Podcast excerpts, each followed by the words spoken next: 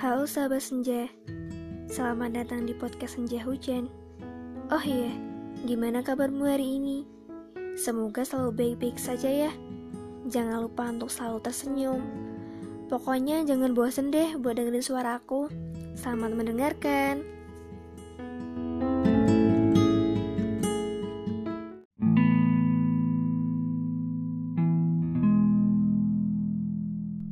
Kembali bukanlah keputusan yang mudah untuk diambil.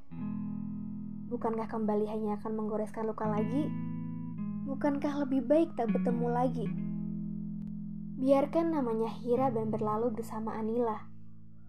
Anila banyak mengajarkan tentang kehilangan. Ya, Anila itu selalu datang, tapi dia akan pergi begitu saja. Meninggalkan siapa saja yang ia buat nyaman dengan sapuan semilir anginnya. Anila sewaktu-waktu memang akan kembali, menghilangkan penat, bahkan menimbulkan semangat. Tapi hanya sejenak, lalu pergi lagi.